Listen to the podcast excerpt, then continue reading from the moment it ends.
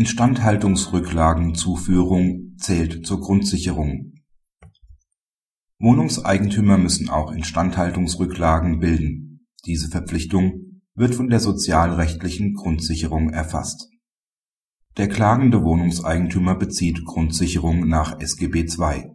Bei der Ermittlung der Kosten der Unterkunft werden seitens der Beklagten jedoch nicht die Kosten für die Zuführung zur Instandhaltungsrücklage anerkannt, weil sich daraus nicht zur Lebensführung rechnende Wertsteigerungen ergeben könnten. Das LSG Sachsen widerspricht und hebt den ablehnenden Bescheid auf.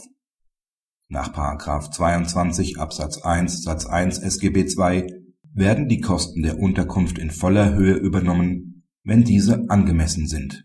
Maßgeblich ist, dass zwischen dem Entstehen der Kosten und der Unterkunft eine rechtliche und tatsächliche Verknüpfung besteht. Dies ist bei den Leistungen für die Wohnungseigentümergemeinschaft, demnach auch bei dem Beitrag zur Ansparung der Instandhaltungsrücklage, der Fall. Aus § 16 Absatz 2 BEG ergibt sich eine entsprechende Verpflichtung der Wohnungseigentümer.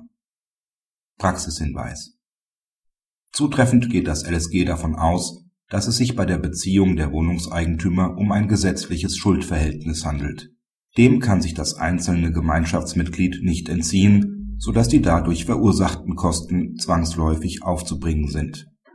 Dann fallen sie auch unter § 22 Absatz 1 SGB II.